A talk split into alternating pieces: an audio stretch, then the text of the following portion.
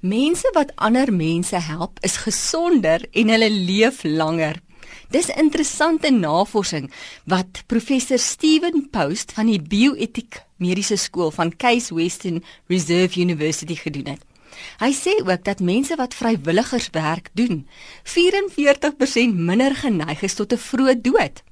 Hy sê ook wanneer mens meelewend is en iemand met empatie help, gebeur daar 'n chemiese reaksie in jou brein wat gepaard gaan met vreugde en diepe genot.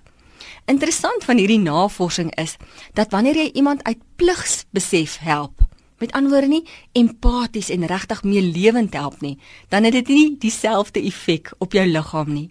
Hierdie was vir my sulke interessante navorsing geweest oor wat die effek daarvan is om ander te help op jou liggaam. Jesus was vir ons 'n voorbeeld hierin.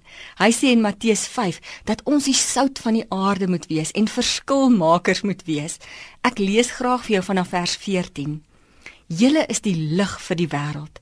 Laat julle lig so voor die mense skyn dat hulle julle goeie werke kan sien en julle Vader wat in die hemel is verheerlik. Paulus sê ook vir ons in Galasiërs: dra mekaar se laste en gee op die manier uitvoering aan die wet van Christus. Jy dink dalk nou dadelik, ag Liesel, die pakkie wat ek in die lewe moet dra is so swaar. Nou wil jy hê ek moet uitreik en ander mense help. Nou wil jy hê ek moet ander mense se laste help dra. Luister na die mooi metafoor. As jy een swaar emmer water moet dra, dan gaan jy mos nou skeef skeef loop en hierdie emmer water gaan teen jou knie stamp en die water gaan uitspat. Al wat gaan help is as jy nog 'n emmer in die ander hand vat, want dit gaan jou balanseer. Ja, en dit is wat dit doen om ander te help. Dit bring balans in jou lewe wanneer jy uitreik na ander en dalk besef, weet jy die pakkie wat ek dra is eintlik te glad nie so swaar nie.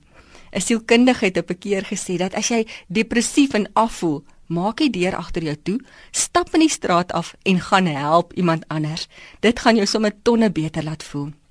Jesus leer ons dat ons ander moet dien en moet help.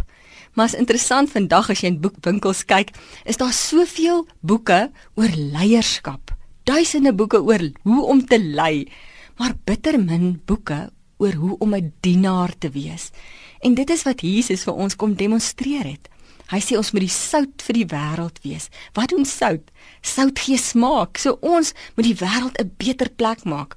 Sout verhoed ook dat kos sleg word. Dink nou maar aan 'n lekker ou stukkie biltong. Sonder sout sal dit vinnig afgaan. So ek en jy moet verhoed dat daar agteruitgaan in die wêreld geskied. Ek wil jou uitnooi om vandag in Jesus se voetspore te loop en iemand anders te help en te dien, sy pakkie vir hom te help dra.